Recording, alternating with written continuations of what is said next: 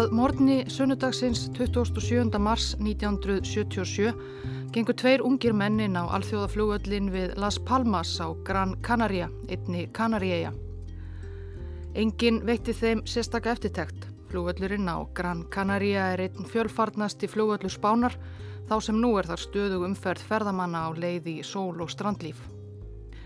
Kanaríegar úti fyrir norðvesturströnd Afríku hafa tilhert spánverjum frá því á 15. öld frumbyggjar eigana frá Norður Afríku blönduðust fljótt spænskum landnemum.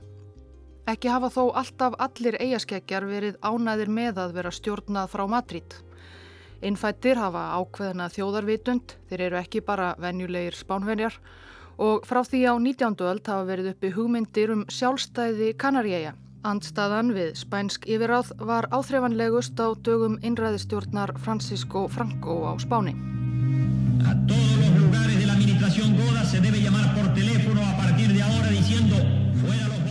Árið 1964 stofnaði kanarimaðurinn Antonio Cobillo útlægi í Allsýr sjálfstæðishreyfingu Kanaríeia til að höfða vopnaða baráttu gegn Madrid og ekki síst vildi hreyfingin beina sjónum sínum að ferðamannabransanum, mikilvægasta atvinnuveg eigana.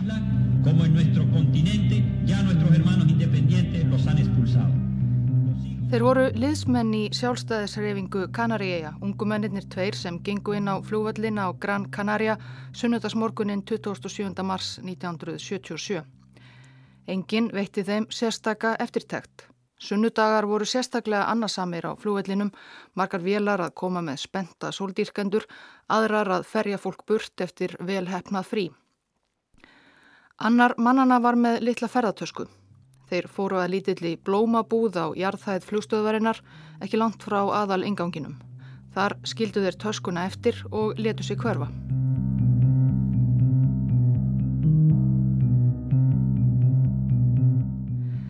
Engin veitti ferðartöskunni sérstaka aðtegli heldur en tæpum klukkutíma síðar, tíu myndur yfir tólf eða svo, sprakk sprengjan sem auðvitað var þar að finna.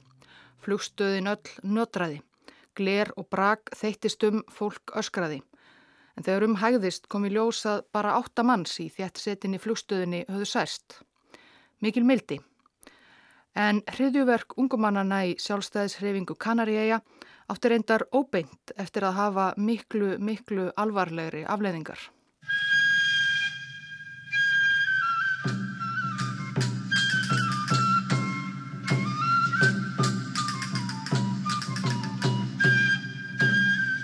20 myndur í þrjú eftir miðnætti að staðartíma í New York 27. mars 1977 tók Boeing 747 risaþóta Pan American sig á loft frá JFK flugvelli. Þessi ákveðna vél sem Pan Am kallaði Clipper Victor átti sér merkilega sögu. Sjú árum áður, í janúar 1970, hafði hún orðið fyrsta 747 þóttan sem flög hefbundið áallunarflug frá New York til London og hóf þannig nýjan kabla í flugsögunni. The Jumbos are coming. London's Heathrow Airport took the arrival of the world's first fully loaded jumbo jet with surprising ease. But the huge airliner attracted a large number of pressmen and had members of the public thronging the vantage points to get a better look at the aircraft which will revolutionize the future of civil aviation. They'd never seen anything like it before. En í þetta skiptið var ferð Klippur Viktor, 7 ára og enn í toppformi, heitið til Las Palmas á Kanaríegjum. Það var 6 klukkustundaflug, þegar átti vélina baki flug frá Los Angeles. Nokkrir farþegar bættust við á JFK svo að vélin var full, meira að segja setið við það sem venjulega var spilaborð í setustofunni á fyrsta farimi. 380 farþegar, 16 manna áhöfn. Farþegarnir voru langt flestir bandarískir og komnir yfir miðjan aldur. Flestir voru þeir á leið á sama staðin eftir lendingu í Las Palmas um borði skemmtifæraskipið Golden Odyssey á vegum Royal Cruise Lines sem myndi svo sigla með þá í 12 daga um miðjararhafið með viðkomu í Casablanca, Messina, Athenu og víðar. Margir höfðu þegar verið á faraldsfæti í nokkun tíma, komið allstaðar að í bandaríkunum til að fljúa með Klippur Viktor yfir hafið. Það var því skiljanlega eftirvænting meðal farþega sem sumir notuðu tækifærið á meðan vélinn var í loftinu og kynntu sig fyrir fólki sem átti eftir að verða áfram ferðafélagar þeirra um borði í skemmtiferðarskipinu Golden Odyssey.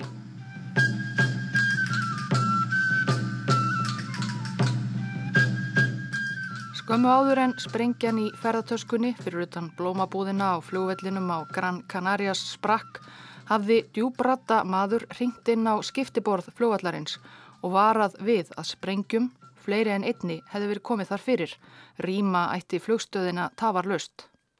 Símtalið barst of seint, bara örfam andartökum síðar sprakk sprengjan við blómabúðina, fyrstu lauruglumenn á vettvang gengu beintinn í rík og reykjarmökk. Betur fór en á horðist en eftir stóð hættan á að önnur sprengja, jável enn fleiri, leindust einhver staðar í flugstöðvrabyggingunni, eins og maðurinn í símanum hafi hótað. Ákveðið var að lokum að loka flugvellinum þar sem eftir leiði dags, svo hægt væri að leita almennilega og engum mannslífum væri stemt í hættu. En það var bara hádegi, dagurinn var rétt að byrja, það var auðvitað vona á fjölda flugvela til Gran Canarias. Þær eru þó að lenda einhver staðar annar staðar.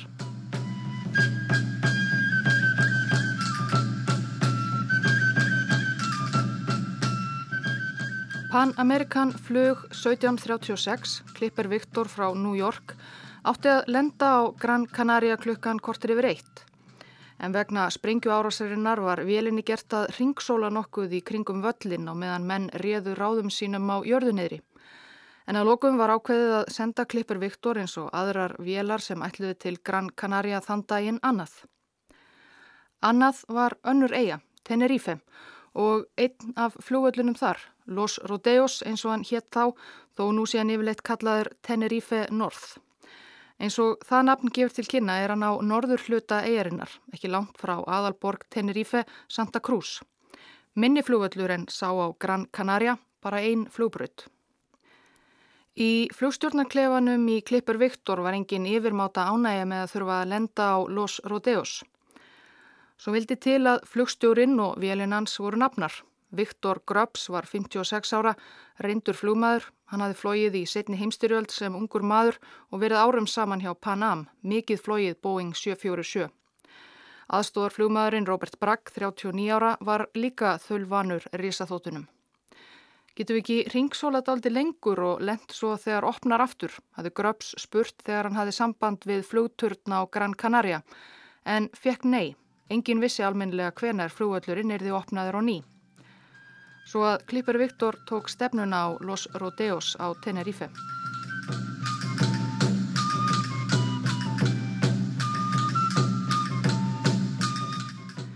Og það gerðu fleiri vélar sem áttu að lenda á Gran Canaria þennan daginn. Þennan morgun hafði til að mynda Boeing 747 þóta hollenska ríkisflugfélagsins KLM með nafnið Rín lagt af stað frá skiphólflugvelli í Amsterdam áleiðist til Gran Canaria, flug 4805. Farþegarnir 235 voru allir viðskiptavinnir ákveðinar hollenskrar ferðarskrifstofu á leiði Sólina Sidra, mikið af fjölskyldufólki, barnafjölskyldur á leiði langþráð páskafrí. Vélinn átti svo strax að flytja annan farm hollendinga heim úr dýrðinni. Your gateway to travel enchantment. Reliable KLM.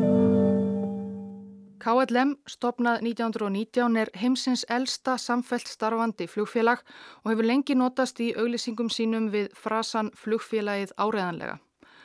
Og ef einhver einn maður var táknumind áreðanleika konunglega hollenska flugfélagsins, Þá var það flugstjórin í flugi 4805 þennan marsmorgun 1977. Jakob van Santen var rétt orðin 50 en þó einn af reyndustu flugstjórum félagsins, sérstaklega undir stýri á 747. Hann var raunar gerðnan maðurinn sem kendi yngri flugmönnum KLM á stjórntæki risaþótunar í flughermi og ekki nóg með það, flugfélagið nýtti hann út á við líka. Mynd af Jakob van Santen, herra KLM, Ljósum, bláegðum með skjannakvitt bros í gullskreittum flugstjórabúning var notað í auglýsingum félagsins í blöðum og tímaritum. KLM frá fólkinu sem gerðu stundvísi mögulega, áræðanlega flugfélag þessara merkilegu hollendinga. Stundvísi skipti Jakob van Santen og aðstóðar flugmannin Fyrverandi nefnda hans í flugherminum, klass Murs 42 ára, miklu máli. Hollensk stjórnvöld höfðu fyrir ári sett nýjar og strángar reglur um leifilegan vinnutíma flugmanna og annara áhafnarliða sem ekki var ráðlegt að brjóta. Þar sem planið hafi verið að fljúa strax aftur til Amsterdam var mjög mikilvægt að ekki erði neyn meiri háttar töf á þeirri áætlun.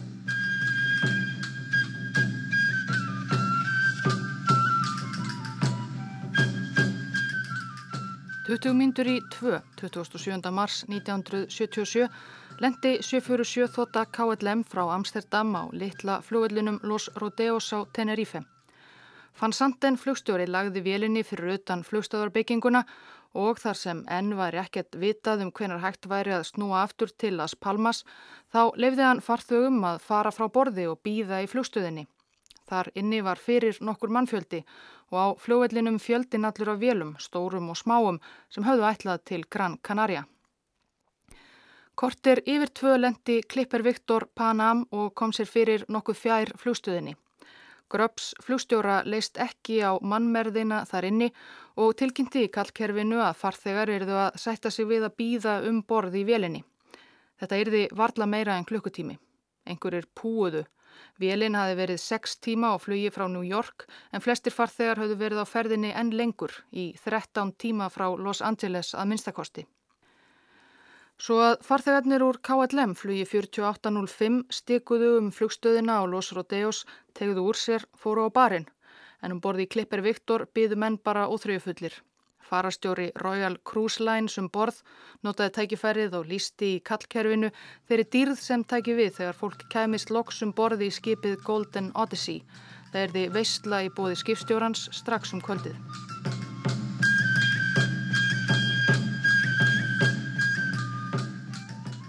Klukkan fjögur síðdegis byðuður enn. Ónægja og þreita meðal farþega var þá orðin umtalsverð. Flugfreyjurnar deildu út síðustu snakkpókunum um borð og ferðu fólki síðustu drikkina. Farþegum KLM var þá smalað aftur inn í velina. Það hlauta fara að koma að þessu. Jakob van Santen, flugstjóri, var að verða verulega áekifullur. Hann og áhöfnin höfðu þá þegar verið sjö tíma á vaktinni og áttu eftir að minnstakosti þryggja tíma flug frá Las Palmas aftur til Amsterdam. Ef einhver staðar yrði einhver frekari töf geti það haft alvarlegar afleðingar. Mögulega yrði áhöfnin að vera yfir nótt í Las Palmas og þá allir þeir farþegar sem ætluðu með þeim heim líka. Ekki sérlega vænlegt kannski fyrir flugfélag hvers slagorð var að það gerði stundvísi mögulega.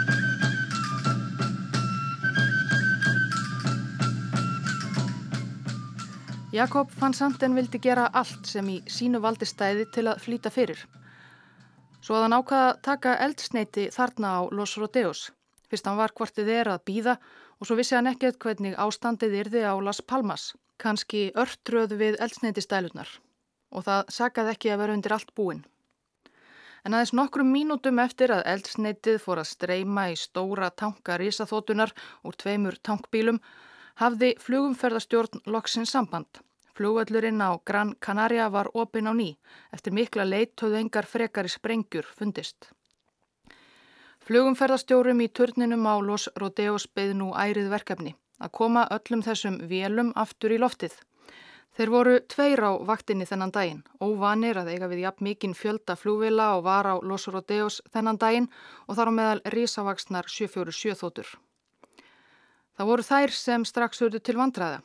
Ákveði var að fljóvilarnar tækjust til loft um það byli þeirri röð sem þær komu. En KLM risaþóttan gatt sig hverki hreift þar sem enn var verið að dæla á hana elsneiti. Það tekur svona hálftíma að fylla tankin á Boeing 747 og tankbílarnir voru rétt að byrja. Klippur Viktor, 747 þóta Panam, var rétt fyrir neðan KLM þótuna á Akbraut fljóvallarins Akbraut nota fljóvilar vanalega til að aka á og af sjálfur í fljóbrautinni en þennan daginn hafði Akbrautin á Los Rodeos þjónað sem auka fljóvilastæði vegna þess hvað margar vélar sátu þar fastar.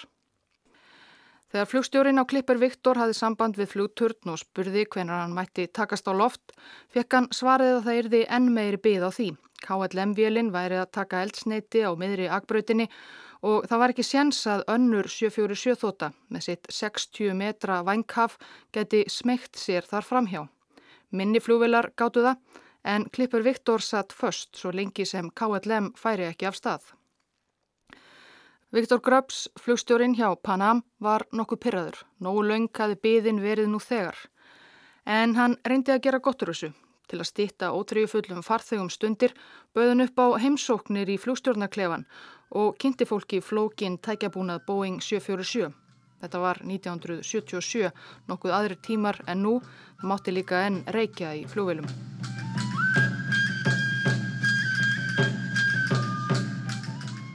Í flugstjórnarklefanum á KLM þóttunni Rín var á meðan talað um ímislegt. Áhöfnin velti vöngum, myndi einhver nákvæmlega hversu marga tíma þau máttu vera á vakt í senn. Og svo var það veðrið. Það var að þykna upp.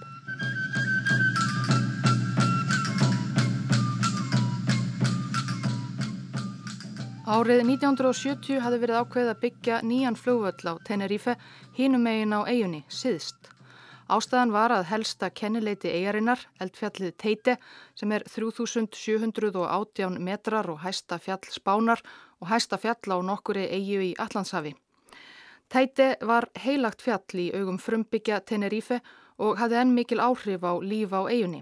Þánga sækja ferðamenn, en fjallið er ekki bara blessun. Það fangar til sín vinda af hafi úti sem gerir það verkum að veðrið er jafnan betra á suður hluta Tenerife en á norður hlutanum. Þar sem við rætur fjálsins mikla er gerðnan votviðrasamt og þókugjernt. Það var þokan sem var aðal vandamálið á fljóvöllinum í Los Rodeos. Öryggisaga fljóvallarins var ekki svo allra fegursta. Þarna höfðu orðið nokkur slis og ekki síst vegna þess að á og við völlin myndaðist oft þykk þoka sem gerði flúmönnum erfitt fyrir. Það hafði einmitt vakið furðu margra farþega um borði Klipper Viktor Vél Panam, um borði Rín KLM og vafalöst fleiri vélum sem lendu á Los Rodeos þennan daginn. Hvaða var þungt yfir? Lang flest voru þau jú komin á Tenerife í vonum sól og sælu, ekki súld og þoku. En það var ekki um annað að velja en að lenda á Los Rodeos þennan daginn því sjú árum eftir að fyrsta skóplustungan var tekin var söðurflúvöllur Tenerife ekki enn full búin. Svo það var bara Los Rodeos og þar fyldust þeir nokkuð áhyggjufullir með þokubökkunum hrannast upp, flugstjórar KLM og Panam á meðan þeir byðu. KLM að býða eftir elsneitinu og Panam að býða eftir KLM. Skiknið varð sífælt lélæra, það vantaði nú bara. Engin vildi frekari tafir og vesen.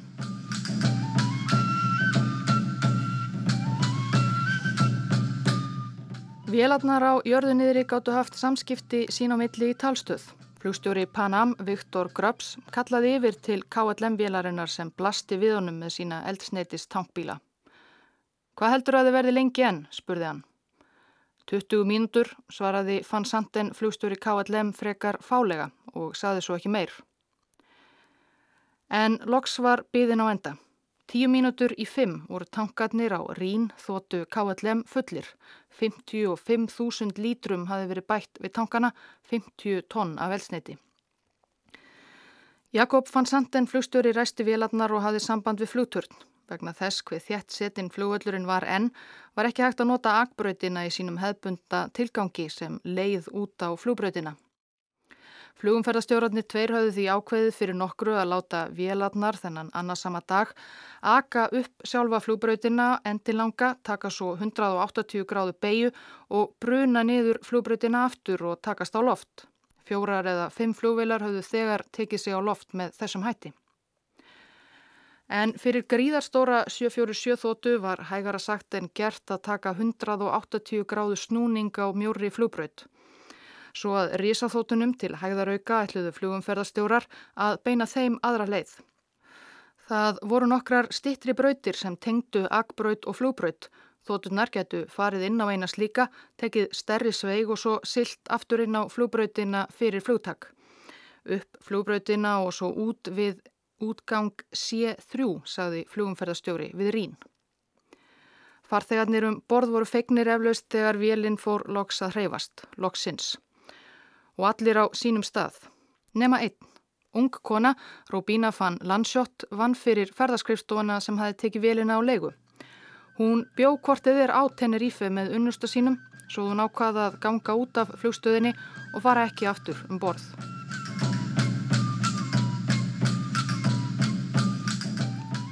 Þegar flugstjóri Pan-Am þóttunar sá að Rín, KLM þóttan fyrir framannan, var loksins að bifast letan smala síðustu farþögunum út úr flugstjórnarklefanum og tók upp talstöðina. Hann var til. Klukkan var orðin 5. KLM var farin af stað og loksins fekk Pan-Am þau fyrirmæli að fylgja á hæla hinnar risaþóttunar upp flugbrautina, svo út við þriðja útgang, C3 og aftur inn á brautina. Tvær mínútur yfir fimm var Boeing 747 þóta Pan American líka farin af stað.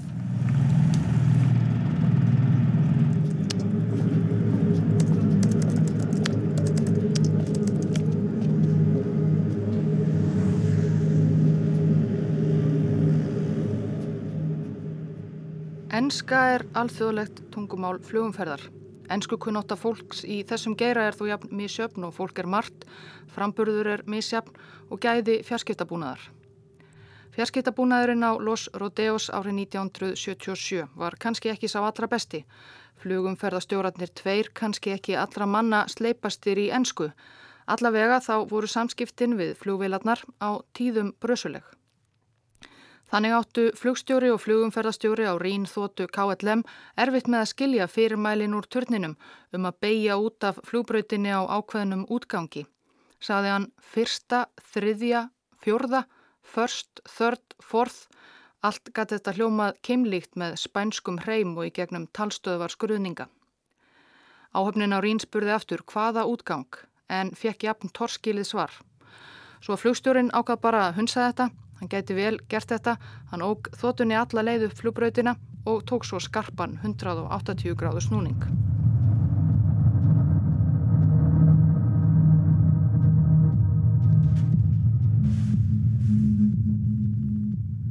Hvað sagðan?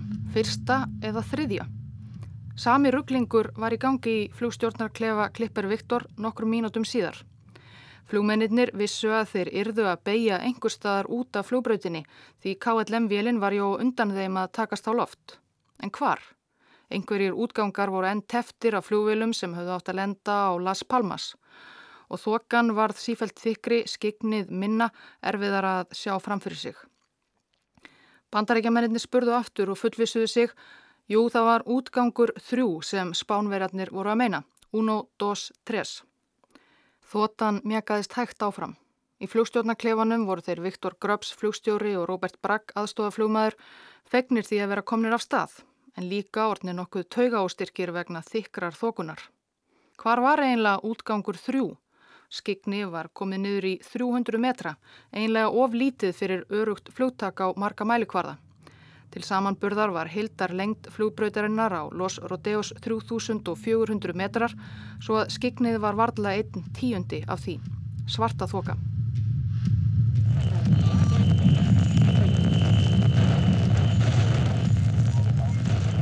Stundum með flugslis, sérstaklega þau sem vakið hafa eftirtækt, hafa upptökur úr flugritum síðar verið gerðar ofinberar eða jafnvel að einhverjur hafi lekið þeim.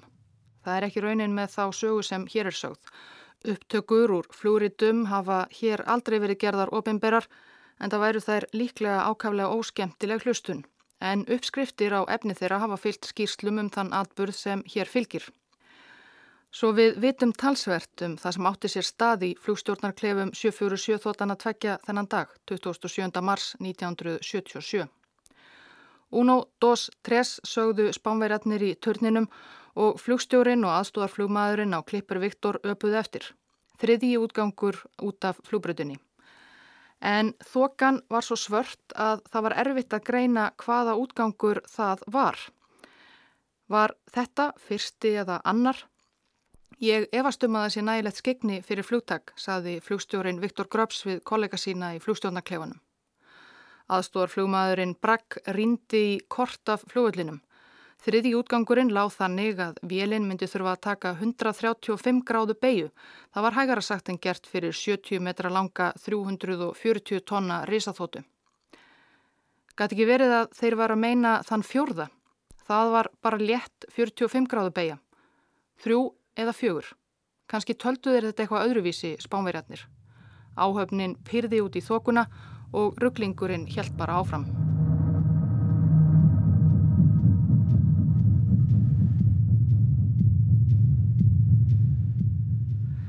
Í flugturninum unnu flugumferðastjóratnir svo að segja blindandi. Það var engin ratsjárbúnaður í turninum og vegna þóku sáu þeir valla vélarnar á flugbrötinni. Alls ekki klippar Viktor. Að auki voru leiðarljósinn í miðju flugbrötarinnar byluð. Réttum 6 mínútur yfir 5 var Rín þótt að KLM komin alla leið upp flugbrötina og búið að snúa henni 180 gráður tilbúin í flugtakk. Jakob van Santen flugstjóri gerði sig líklegan til að sleppa bremsunum. Bítu, sagði aðstórflugmaðurinn Klaas Murs þá. Hann var nýgræðingur við stýrið á 747. Það var van Santen flugstjóri sem hafi kent honum á sínum tíma eins og fleiri flugmönnum KLM. Við erum ekki komnir með flugheimild. Flugheimild er staðfesting frá flugumferðastjórnum leiðina sem flugvil á að taka frá flugvelli og út úr yfiráðasvæði þeirra. Það er bara eina mörgum heimildum sem vélar þurfa að fá fyrir flugtak og ekki endanleg heimild til að leggja af stað. Já, ég veit, saði Fann Sanden þreytulega, byttu um heimildina. Murs hafði þá samband við flugturn. KLM 4805 er tilbúin í flugtak og við býðum flugheimildar. Í talstöðuna fór flugumferðarstjóri að þylja leiðbenningar um hvernig flugmenn rínar ættu að bera sig að eftir flugtak, fara upp í 9000 fett og beigja til hægri. Fann Sanden flugstjóri verðist hafa verið orðin frekar óþólmóður. Þetta hafi verið langur dagur. Það gæti vel enda með því að hann kæmist ekki alla leið heim til Amsterdam þennan daginn og svo þessi þoka ofan á allt annað. Flugumferðarstjórin hafði þannig varla sleft máli sínum þegar fann Sanden tautaði já já og slefti bremsunum og svo sagðan við förum af stað.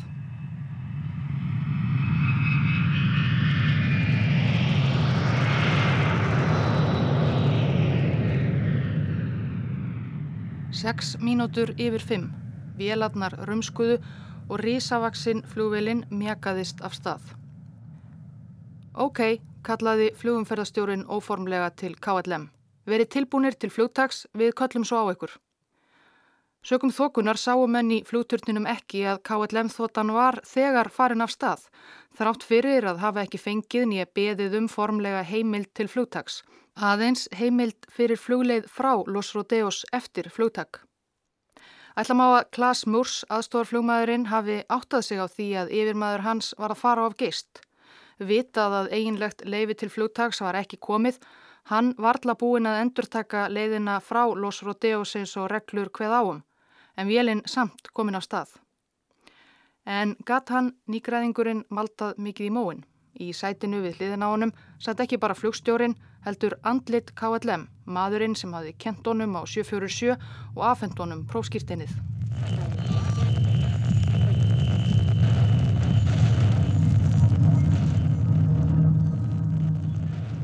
Samskipti í talstöð hurfu svo inn í skruðninga og óhljóð í nokkra sekundur.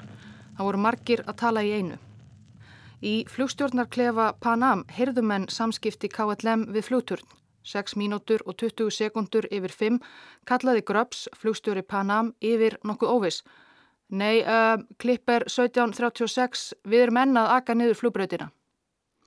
Þeir höfðu loks ákveðið að taka fjórða útgangin út af flugbrautinni þann síðasta, beiguna sem leit best út fyrir risaþótu, eða ákveðið og ákveðið þeir höfðu hvortið er mist af þriðja útganginum í þokunni.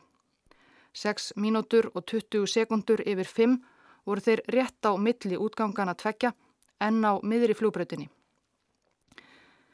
5 sekundum síðar kallaði flugturn til bandaríkjamannana.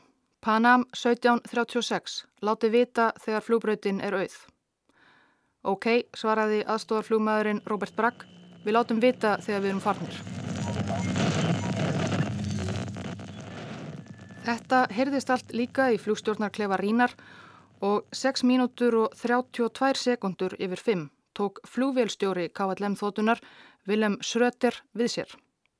Býðiði, eru þeir ekki farnir af flugbröðinni? Schröter var eldri en Van Santen og hafði flóið lengur. Hann var forseti félags evróskra flugvélstjóra. En Van Santen svaraði varla. Hann var með hugan við stjórntækin eflaust. Þóttan hans ætti nú niður flugbröðina á 120 km hraða. Eru þeir ekki farnir Panam? endur tók vélstjórin. Uh, jú, sagði Van Santen eindreið og hjælt áfram. Setti allt í botn. Á að giska fjórum sekundum síðar sáu Viktor Gröfs flugstjóri, Robert Bragg aðstofarflugmaður og aðrir í klefanum á Klipper Viktor aðra Boeing 747 þóttu æða í áttinaðeim í gegnum þókuna. Sjáuð, rópaði Gröfs og bölvaði. Þessi tíkarsonur er að koma. Í fáti reyndu flugmennir að snúa vélinni hart til vinstri, beittu öllu afli. Þóta KLM var þarna komin á 250 km hraða og stemdi upp. Örfáum andartökum síðar má ætla tóku Van Santen og flugmennir um borði Rín eftir Panam-vélinni á miðri flugbrutinni. Flugstjórin tókaði þá stýrið alla leið að sér í vonum að koma vélinni í loftið sem fyrst en það var um seinan. 6 mínútur og 40 sekundur yfir 5, 27. mars 1977 má heyra öskur á upptökunni úr flugrita KLM þótunar Rín. Það er flugstjórin Jakob van Santen sem öskrar og blótar. Kanski ef honum hefði ekki leið svona á, kanski ef honum hefði ekki leið svona á að láta fylla á tankin nokkra 20 tonna af elsneiti, þá hefði velin ekki verið jafn þung og hefði komist í loftið í tæka tíð. Kanski. En tveimur sekundum síðar rakst vél hans á Panam flug 1736 Klippar Viktor á miðri flugbröðinni á Los Rodeos, Tenerife.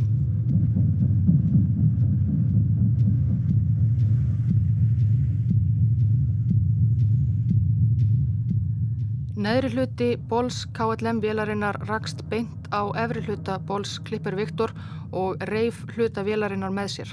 Eins og hnífur hefði skorið niður eftir fljóvelinni, svona lísti Bragg aðstóðarfljómaður Panam því síðar. Rín komst aðeins á loft, flög svo þar sem eftir var afenni eftir áreiksturinn stjórnlaust eina 150 metra þar til hún skall til jarðar á fljóbrutina. Við það kviknaði í fullum eldsneitistöngum vélarinnar og vítis eldur áti í sig brakið á svipstundu. Ef einhver er af 14 manna áhöfn og 234 farþegum um borði Rín lifiðu af áreiksturinn við Klippur Viktor og brotlendinguna, þá var þeim engin leið að sleppa undan þessum funheitu lógum. Allir 248 um borð letu lífið. Við rannsókn kom í ljósa að allir farþegar brunnu en með sætisólar spentar í sætum sínum. Unga konan sem hafi farið frá borði, Robína van Landsjótt, Hún var svo eina ár KLM-fluginu sem komst lífs af þennan dag. Rín hafði hrifið með sér allt efra þilfar klippar Viktor. Þeir sem þar sátu þeittust eitthvað út í buskan og létust líklega samstundis. Farþegar á neðra þilfari áttuðu sig fæstir hvað hefði gerst, hryllilegur háfaði og svo horfðu þeir allt í einu upp í gráan heiminn. Efri hluti vélarinnar var horfin. Málmbrak úr báðum vélunum spítist í allar áttir, drap suma og særði aðra.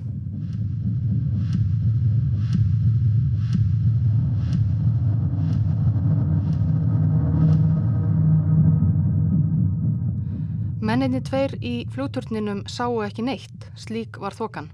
Ekki fyrir en flugmenn á öðrum vélum sem byðu flugtags höfðu samband, það var eldur á flugbröðinni. Þeirra fyrsta hugsun var þá að kalla í áhafnir KLM og Panam. Þær voru jú á flugbröðinni, höfðu þau séð einhvern eld. En það var ekkert svar frá korur í vélinni. Slökkulið var kallað út og óki gegnum þokuna og loks blasti við ótrúleg sjón heil 747 risaþóta bókstaflega al-elda á flúbrutinni. Þetta var þóta KLM, þó varðla væri hægt að greina bláan einkennislitin í eldhafinu. Logarnir tegðu sig 30 metra upp og hittin var eins og í bræðsluofni.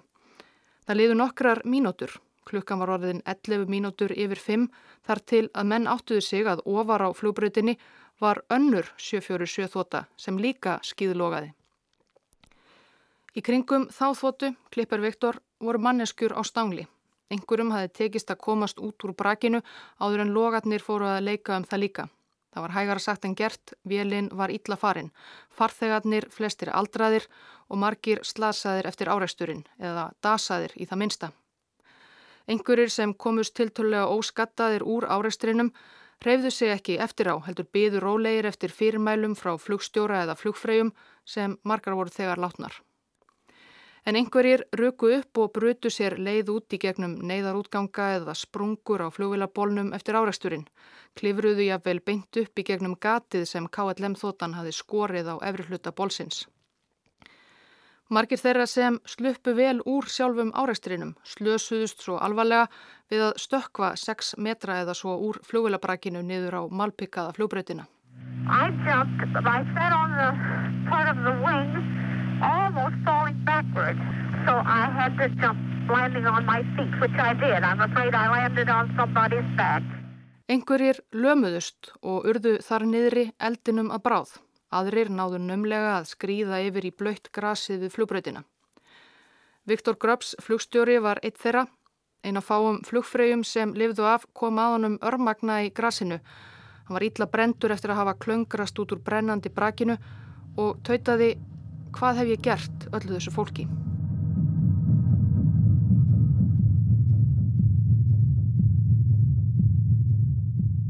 Sextíu og einn komst lífsaf úr Klippar Viktor þóttu Pan-Amerikan. 335 letu lífið. Samtals voru það 583 sem letust í áreikstri risaþótana tvekja. Við rannsókn yfirvalda í Bandaríkunum, Hollandi og Spáni kom smátt og smátt í ljós svo skjelvilega atbyrðarás tilviljana, óhefni og rángra ákvarðana sem leiti til slissins. Sprengjan á flúvellinum sem hafi lítilega sært áttamanns en svo leitt óbent til dauða 583. Flúvilafjöldin á Tenerife flúvelli, tungumóla örðuleikar og lélugur fjarskiptabúnaður, allur rugglingurinn um hver ætti að fara út af hvar, ratsjárleysið, svarta þokan og svo þetta töfin, óþólunmæðin og ákvörðun Jakobs van Santen, flugstjóra KLM, að leggja í hann án formlegarar heimildar flugferðarstjóra, þvert á kurteislegar evasendir undirmanna sinna. Van Santen eins og allir um borði vélinni hans fóst í slissinu, svo hann hefur aldrei getað sagt sína hlið á máli. En í loka skýrslu rannsóknarnemdar flugslisa á Spáni voru það gjörðir hans sem voru taldar hafa vegið þingst í að svona hryllilega fór. Ímsar mikilvægar breytingar á flugurökismálum um heimallan voru gerðar í kjölfarslissins á Tenerife og rannsóknar. Mart sem við nú álítum sjálfsæðan hlut.